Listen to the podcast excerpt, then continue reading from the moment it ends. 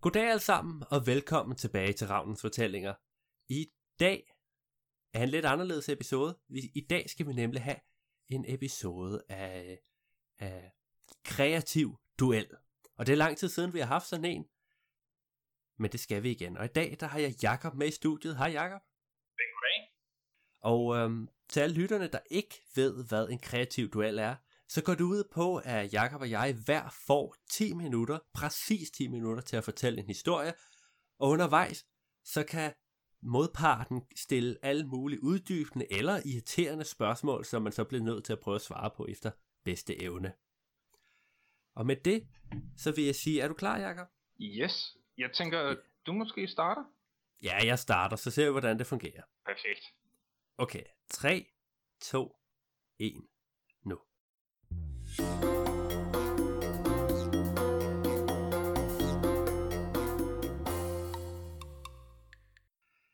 Jamen, vores historie, den begynder ude ved, et kæmpe, ved en kæmpe stor fabrik. Prøv at forestille dig en almindelig fabrik, som måske sådan er rimelig stor, ikke også? Og det her, det er sådan en fabrik, der er cirka 100.000 gange større end det. Den er så stor, at de blev nødt til at flytte hele produktionen ned på Antarktis, for det var det eneste sted, der var plads til dem. Øhm, det betyder så også, at øh, de har no, deres egen private atomreaktor dernede for at lave strøm nok til det hele, men det er ikke det, vi skal tale om i dag. Det, vi skal tale om i dag, det er det, de producerer. Fordi sådan en fabrik, hvad kan, det være, hvad kan være nødvendigt at have så stor en fabrik? Det er nemlig en, der laver kopper. Og I må forstå, det her det, det er en verden, hvor alle folk drikker sindssygt meget te. Der er nogen, der drikker en kop om dagen, men dem er der ikke nogen, der kan lide. De bliver smidt ud på gaden. De er upopulære. Folk, de, de rigtig populære, de drikker cirka 10 kander te om dagen, og når de gør det, så skal de selvfølgelig bruge helt vildt mange forskellige kopper. Og en gang imellem, så taber de jo en kop, og så går den i stykker, og så bliver den her fabrik nødt til at lave nogle nye til dem. Hvad bliver kopperne lavet af? Jamen oprindeligt så blev de lavet af keramik. Du ved, sådan gammeldags keramik og håndlavet og sådan noget. Men så, så gik man over til at begynde at lave det af plastik, fordi det var smartere, når man skulle lave store produktioner. Men så skete der lidt det, at havene blev, fuldst, blev fyldt fuldstændig op med plastikkopper over det hele. Det var så galt på et tidspunkt, der var der et sti, skib, der stødte på grund ude midten af Atlanterhavet, fordi der var plastikkopper hele vejen op. Og så besluttede man, okay, det går ikke, vi bliver nødt til at lave noget andet. Så i dag, så bruger man noget helt specielt is. Det er også derfor, det flyttede, en af grundene til, at det flyttede ned til Antarktis, det er fordi, man simpelthen tager is og komprimerer det i sådan en grad, at det kan holde flere år, selvom det kommer hen i lidt varmere miljøer. Men smelter det ikke, når du så hælder te i din kop? Langsomt, men det er bare så koncentreret, at det virkelig, at det godt kan holde på det alligevel. Fordelen ved det her, det er, at fabrikken vil jo gerne have, at folk køber nye kopper. Så der er jo noget kapitalistisk over det, og samtidig så kan de sige, at det er godt for miljøet, fordi de ikke ligger ude i havene bagefter. Men til gengæld så fjerner du al isen. Det er rigtigt, men du skal tænke på det her, det er ude i fremtiden, hvor det meste af isen allerede er smeltet. Så selvom der er koldt, så er der ikke så meget is tilbage, så de producerer selv isen. Åh, oh, okay. Ja. Men det der jo så sker, det er, at der er en praktikant i den her fabrik, som egentlig godt kunne tænke sig at stige lidt i, øh, i graderne, og godt kunne blive vigtigere og tjene kassen herinde. Fordi lige nu så er han jo bare praktikant. Og han, øh, i starten så arbejdede han ude i, skal vi sige, de, de, de lidt nederen afdelinger, hvor det bare går ud på at tage prøver af kopperne en gang imellem, og lige tjekke, om det nu også holdt, om de kunne tåle til, til at der blev hældt kaffe og te i, og man drak det og sådan noget. Men på et tidspunkt, så så han sit snit til ligesom at stjæle nogle andres post og blive vigtigere.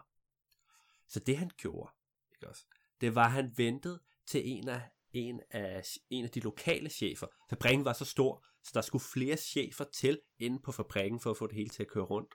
Og det han så gjorde, det var, at han ventede til en af cheferne tog hjem på en uges ferie med fly.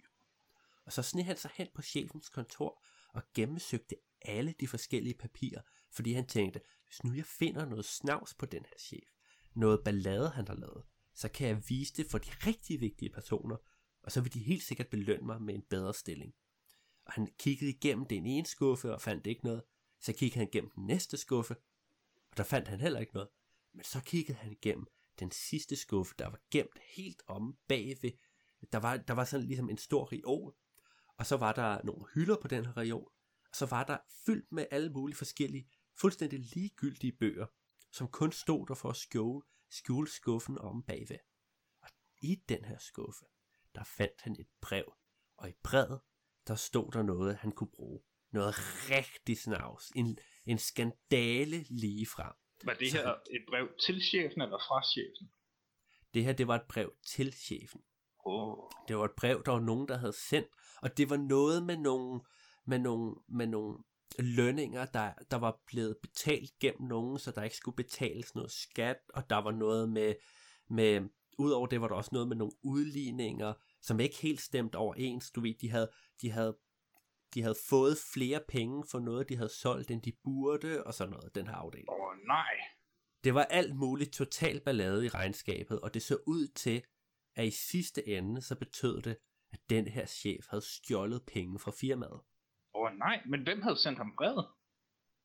Jamen, det var jo, det var jo, det var faktisk fra et fjern, et fjernt, fjernt rige, som, øhm, som var meget, meget langt væk fra Antarktis. Det er de fleste rige, kan man sige. Mm. Men altså, øhm, jeg ved ikke, om du har hørt det, det er et meget eksotisk sted kaldet Norge. Ja. Øhm, og der, der var simpelthen en eller anden rigmand i det her, det her eksotiske Norge, som havde, øhm, Norge, som havde, havde sendt brevet til ham. Så han tog det, og så lagde han det ned i sin, øh, ned i sin kuffert, og så skyndte han sig at sætte alting på plads, fordi han vidste godt, at chefen var væk i lang tid, men alligevel så kunne det jo være, der kom en vagt forbi og så et eller andet. Ja, han, havde han rodet meget, da han ledte efter brevet? Jamen det havde han faktisk, fordi ja. han, du ved, han havde hævet skufferne ud og sådan, sådan lidt panisk prøvet at finde rundt i det hele. Så selvom han ryddede så pænt op som muligt, så kunne han ikke lade være med at have en følelse af, at han måske ikke havde fået sat tingene præcis som de stod. Ja. Så han blev lidt bekymret. Og så gik der, skal vi sige, en uges tid. Undervejs så havde han prøvet, praktikanten prøvet at finde ud af, okay, hvem skal jeg sende det her brev til? øhm, men han fandt ikke ud af det, fordi han prøvede sådan at spørge nogle journalister, og de var sådan, ham var vi ikke interesseret i, vi ved godt, han svindler. Nå, okay. Så prøvede han at gå hen til nogle, øh, til myndighed, nogle myndigheder, eller han tog kontakt til myndighederne i Norge og spurgte, jamen hvad med, hvad med hvordan har I det med den der rige mand? Og så sagde de, jamen han, ham har vi allerede smidt i fængsel. Og så, Nå, hvad? Åh, oh, oh, nej, vil det så sige, at jeg bare bliver opdaget og fyret til ingen verdens nytte? Men hvad var ham rigmanden kommet i fængsel for? Ja, ja du, det er fordi, han var kommet i fængsel, fordi han simpelthen var blevet alt for rig. Okay. Han var blevet så rig, at han var ved at købe hele Norge og lave det om til slaraffenland for folk, der elskede slik, hoppeborg og halvnøgne damer. Og det var der bare ikke nogen, der ville have. Så derfor så blev han smidt i fængsel. Øhm, og og stat, den norske stat øh, tog alle hans penge og, og lavede en ny øh, storslået, skal vi, ja, det blev en ret storslået national tv-serie ud af alle de penge. Men det er en helt anden historie. Øhm, og det der jo så skete, det var, at en dag, der kom den her chef tilbage til fabrikken. Og praktikanten, han sad henne på sin plads og lavede hans, skal vi sige, rimelig kedelige arbejde, og sad nærmest og bed fingre undervejs, og sige, åh, åh, bliver jeg nu opdaget, hvad, hvad sker der? Og ganske rigtigt gik chefen ind på sit kontor, og så styrtede han ud. Hvem er det, der har været ind og rodet rundt i mine ting? Hvad, hvad foregår der her? Og så kom praktikanten, fordi han tænkte, okay, hvis nu jeg hurtigt og opdægter en eller anden historie til at skyde skylden på nogle andre. Så det var det, han gjorde. Han rejste sig op og sagde, at øh, chef, jeg, der var nogle rengørings, noget rengøringspersonale, der gik derind her forleden dag. Ja, øh, der skal vel også gøres rent, øh, det er da ikke underligt. Nej, nej, men, men de, de havde sådan en skummelt blik, da de gik ud. Og så prøvede praktikanten efter bedste evne at, og ligesom efterligne et skummelt blik for den her chef, der bare synes, det var totalt mærkeligt. Lykkedes det ham at efterligne blikket? Jamen, altså, prøv at forestille dig, at han skulle rulle en 20-sidet terning. Og han skulle rulle mere end 10, for det lykkedes. Og han, det var sådan lige før, man kunne se terningen drejede rundt om sig selv. Og det var lige før den landede på 9, det var lige før den landede på 11. Men til sidst, så blev det en 12'er. Og det lykkedes derved. Og chefen, han troede på ham. Og så blev jeg nødt til at tage kontakt til det firma, der står for rengøring. Og så gik han ind, og så ringede han og talte med meget store ord. Det var faktisk så store ord, at man begyndte at kunne se dem i luften over ham igennem glasset ind til kontoret. Praktikanten, phew, han tørrede sveden af panden og gik tilbage til sit arbejde. Og så begyndte han at lægge planer for, hvordan han så kunne stige i rangene herinde i fabrikken, fordi det havde ikke virket det her. Men hvis nu, hvis nu han i stedet for at prøve at snyde sig til det, så prøvede at lave en virkelig kompliceret og detaljeret plan for, hvordan man kunne øge væksten her i fabrikken, så kunne det være, at dem allerøverst op ville se det og tænke, Øj, han er godt nok en klog ung gut, ham der. Ja, lad os, øh, lad os give ham en chefposition. Ja. Um, så han brugte lange, mange, mange lange nætter på at sidde og lægge de her planer. Og prøv, prøv at forestille dig verdens mest komplicerede Excel-ark. Det var det, det, det var det, hans plan ligesom endte med at blive. Han lavede grønne søjler og blå søjler, og han skrev bare sådan flere tusind celler med alle mulige måder, man kunne udvide det på, og nye produkter. Og, og nu er tiden gået. Og oh, jeg har lige et sidste spørgsmål. Hvad, Okay, hvad, hvad gjorde han med brevet? øh, han spiste. Okay, for at slette beviserne. Og det var Præcis. ikke fordi, han var sulten. Måske lidt af hvert. Han var jo praktikant, han havde ikke så mange penge. Det giver mening. Men nu, nu er min historie slut. Og så er det din tur, Jakob. Og pas på, jeg stiller spørgsmål undervejs. Ja, det er jeg lidt nervøs for. er du klar? Yes. 3, 2, 1, start.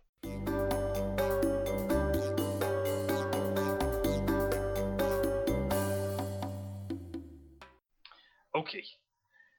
Jeg tror, alle kender øh, tankeeksperimentet. Hvilke tre ting vil du tage med på en øde ø? Og mange folk tænker måske kortvarigt over det. Men Simon, som den her historie kommer til at handle om, han var faktisk ind i den situation. Fordi i en ikke så fjern fremtid kørte der ofte tv-programmer om, at man kunne blive sendt ud på en tropisk ø med kun tre ting med sig. Var det sådan reality-program-agtigt? Ja, sådan lidt. Og det var ikke, Simon havde ikke øh, set det her program sådan rigtigt. Han havde set nogle reklamer for det, og han vidste, at det havde kørt i et par sæsoner og sådan noget. Men Simon han trængte virkelig til at komme væk fra sit normale liv, fordi han havde kærestesover. Han havde netop slået op med kæresten, og, og netop og netop, fordi der var faktisk gået et halvt år. Og, og han, var, han var virkelig knust over det. Og han havde bare Nå, brug for noget nyt i sit liv. Ja, det var ret synd for ham. Så han meldte sig til det her program. Og tænkte, det, det kunne blive fedt. Øh, og øh, han, øh, han valgte så, øh, fordi han skulle vælge de her tre ting, så han valgte at tage et fiskenet med, fordi det tænkte han, det var en rigtig god plan. Øh, Ja. Og en kniv, det var også en god plan.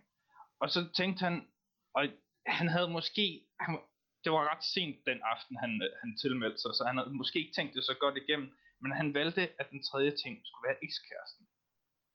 Nå, Bum, bum, okay. Ja. Så Er det, er, kommer der drama? Jeg, kan, jeg fornemmer Ja, drama her. der er drama. Fordi, altså, det er jo, det jo meget fin plan, det der med bare lige at tage ud på en øde ø. Men det var noget helt andet, når, man, når det faktisk sker. Så Simon øh, og kæresten, som vi kan kalde Michelle, øh, er ude på den her øde ø.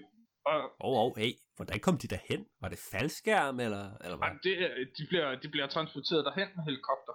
Det er virkelig Nå, en okay. øde ø. Altså, når du, når du er ude på den der ø, så kan du ikke se noget som helst øh, rundt om øen. Der er bare vand. Men der er dejligt varmt, og der er tropisk, så der er sådan, der er palmer og kokosnødder, og der er også nogle små dyr og sådan noget. Øh, og der er masser af fisk. Okay. Og i starten var det, var det fint nok. Altså, det var lige lidt akavet lige til at starte med. Men så, altså, så de fik snakket, og de blev gode venner igen. Og øh, de, de hyggede sig faktisk meget fint i starten. De fik, øh, de fik bygget øh, øh, en lille smule bolig, fordi øh, hendes ting, hun havde for eksempel valgt at få noget ræb med, så, så de kunne sådan bygge en fin bolig ud af, ud af nogle grene og sådan noget, og det var rigtig fint. Og der var masser af mad, fordi han havde fiskenet med, og de kunne gå på opdagelse hver dag, og tage ud og se alt muligt, og det var så spændende at se, hvad var der lige rundt om de her træer, og de opdagede, øh, at øh, når man gik langt ind igennem øh, den skov, de havde valgt at, at bosæde sig i, så øh, skiftede træerne og blev sådan lidt en anden type. Og der, der, de fandt også sådan ligesom en vulkan i midten af øen, som de sådan kunne gå op af. Og der var dejligt varmt op på toppen. Altså, lige når man gik derop, så blev det ret koldt. Men når man stod op på toppen af vulkanen, så var det dejligt varmt, fordi der var lava dernede. Ah, smart. Ja, ja og de, de hyggede sig virkelig med det. Og, øh, og altså, der var masser af mad, de havde et godt sted at bo, og øh, de, de kom ret godt ud af det med hinanden. Men på et tidspunkt, altså som tiden gik og gik og gik, så blev der bare mindre og mindre at snakke om. Og der blev mindre og mindre nyt at se. Altså, øen var ikke så stor, så de fik ret hurtigt udforsket det hele. Men, men okay, hvor lang tid var det meningen, de skulle være på øen? Jamen, det, det er sådan et øh, program, hvor det handler om at være derude længst muligt. Fordi jo længere tid du er der, jo mere vinder du. Ah, Så der er sådan en pengepræmie, ikke? Så per dag, så får du et eller andet antal penge. Så man skal Oh, okay, være så derude man- i lang tid. så man går fra ingenting på den øde ø til at komme hjem, og så kan man købe rigtig meget. Ja, altså det var ikke sådan, at du fik en million per dag, du var derude. Det var måske Jo. Sådan 10.000 per dag. Sådan jeg overvejede lige at tilmelde mig til. Nå, okay. Ja, det kan jeg godt forstå. Men, men, men han tænkte jo også, nu var med Simon, at nu hvor de var to, så var de jo også nødt til at dele pengene, så nu skulle de jo så holde ud ekstra længe. Det var hans tanke i hvert fald. Men, men altså som sagt, så ja, det, det begyndte at blive lidt trivielt, ikke? Altså, de, øh, de begyndte at gå mere ture hver for sig, og til ud at fiske hver for sig, gå op til vulkanen hver for sig, fordi der var bare ikke så meget at snakke om. Så det var, det var begyndt at blive lidt, lidt kedeligt og ensformigt. Og Simon der var måske også begyndt lidt at få lidt skyldfølelse over at have taget Michelle med derud, og tænkt, måske, måske det ikke var så smart af mig det her, fordi nu er hun Hey, også bare tvunget til at være her. Havde hun ikke, havde hun ikke sagt god for det? Var det sådan, at han sagde, jeg skal have min ekskæreste med, og så kom sådan en helikopter og, og CIA, eller hvad det nu, SWAT-teams ned med ræb og ind ad døren. Du skal med på... øh." Var det, var det sådan? Nej, det, det jo faktisk lidt uklart for Simon, fordi han har sådan, han har så dårlig samvittighed over at have tvunget hende med, så han har faktisk ikke rigtig hørt hende, hvordan det foregik. Åh, oh, okay. Nå, men altså, det begyndte faktisk at gå lidt værre end det, fordi der kom en, en kraftig storm på et tidspunkt, som sådan ligesom ødelagde øh, en del af deres bolig. Og så måtte de genopbygge den, men der var ikke lige så meget ræb tilbage længere. Og på et tidspunkt, så de havde sådan noget nødsystemsudstyr, som man sådan ligesom kunne, kunne trykke på en knap, og så ville kamerafolkene komme og hente dig. ikke? Men, men det her nødsystemsudstyr, det gik i stykker, fordi der kom sand i det. Fordi det blæste Åh, rigtig meget under sand. stormen og sådan noget. Ja, det var noget rigtig skidt. Ja, og, og så var der også øh, episoden fiskenettet, hvor øh, en dag, hvor Simon var gået ud for at fiske, så havde han, det var sådan et net, man kaster ud over et stort område, og så hiver man det ind. Og så lige det, han kaster det, så vælter han, og nettet flyver op på sådan et rev -agtigt. Og han, Ja. ja. i det han vælter, så får han også revet i det samtidig. Så han får sådan ligesom, han får hævet i det, mens det ligger på revet. Så nettet går i stykker, og der er en masse store huller. Og så døde han. Nej, det, det gjorde han ikke. Han faldt bare Nå, ned okay. i vandet. Men nettet gik i stykker. Okay, Nå. nettet døde. Ja, det gjorde det. Og Michelle blev selvfølgelig ret sur. Og de, selvom de prøvede at fikse nettet ved at bruge små stykker ræb, som de tog fra deres bolig, så blev det bare virkelig svært at, at, at få et godt net ud af det igen. Så de fangede færre og færre fisk. Så de begyndte også at blive sultne nu. Og det var, ja, ja de, det, var ikke, det var ikke rigtig godt. Var der ikke nogen kokosnødder på, på øen? Er det ikke altid det, folk overlever af på en øde ø? Jo, præcis. Og det var, også, det var også lidt det, de var nødt til nu. Altså nu var de nødt til at spise bær og kokosnødder. Men de turde ikke spise alle de forskellige slags bær, der var. Fordi nogle af dem så lidt giftige ud.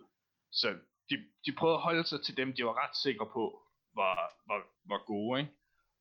Og, Okay og altså kokosnødder kunne de spise, men det var også bare begrænset, hvor mange kokosnødder der i, i virkeligheden var. Så, øh, så altså, de, blev, de blev langsomt mere og mere sultne. Og de havde jo ikke det her nødsystem længere, så de sad bare og ventede og håbede på, at det der kamerahold måske ville komme og hente dem på et tidspunkt, fordi de ligesom tænkte, ah, så længe kan de heller ikke blive ude på den der øde ø. Så de sad og blev sådan mere og mere triste, og sad bare og kiggede på hinanden, dag ud og dag hjem. Og en gang imellem, så gik de over og hentede en ny kokosnød og spiste. Og de var sultne. Og det var lidt trist. Og Simon... Hvornår begynder de at tale til kokosnødderne? Er det ikke sådan, når man hører i...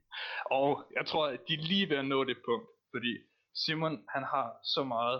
Han har så dårlig samvittighed og så meget skyldfølelse over at have hævet Michelle ud til det her.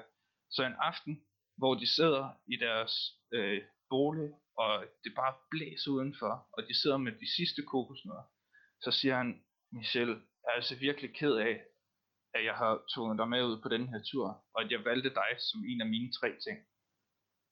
Og så kigger Michelle op på ham og siger, hvad mener du? Jeg valgte jo dig som en af mine tre ting. og så kan de pludselig høre fanfare. Du, du, du, du, du. Og der åbner sig lemme, og øh, øh, lemme sådan i, i sandet, øh, ude foran deres bolig og i nogle af de store træer, og ud kommer kamerafolkene og siger, tillykke, I har vundet. Det her var den nyeste sæson af øh, Fortabt på Tropisk Ø, og I har nu vundet, fordi I har fundet ud af at kunne tale godt sammen. Ej, hvor fantastisk. Ja. Men hvad, hvad, hvad vandt det? Var det sådan et truppeophold for to på en øde ø, de vandt? Nej, nej, jeg tror faktisk, de var mest glade for at komme hjem. Okay. Men moralen af historien er, at man skal huske at snakke med hinanden, også selvom man nogle gange kan føle sig ensom i andre folks selskab. Og hvis man har skyldfølelse og dårlig samvittighed, så skal man bare tale om det. Åh, oh. ej, det var jo god timing. Tiden er gået. Ja. Hm. Altså, jeg må indrømme, jeg troede, historien bevægede sig hen af, at uh, det var sådan en Scooby-Doo-afsløring. Det var slet ikke Michelle. Det var en anden person. Hun hævde masken af, og så... Men det gjorde det så ikke. Nej, og så pludselig var det Darth Vader i stedet for. Ja, præcis. Ja. Og så skar han lys, så skar han, så hæv han fisk op med sin uh, The Force. Nej, okay, det er en ny historie. Ja. Um, okay, jamen uh, tusind tak, fordi du ville fortælle historier sammen med mig. Det var super hyggeligt. Ja, det er det. Og så til alle, til alle lytterne. Nu går det jo så ud på, at uh, I skal ind på, I på Instagram eller på Facebook, kan skrive, hvilken historie I bedst kunne lide det er jo en kreativ duel, så skal vi se, hvem der får, får flest point. Er du med på det, Jacob? Ja. Okay. Og så er der ikke mere at sige for, for denne gang, end tak fordi I lyttede med. Adios. thank you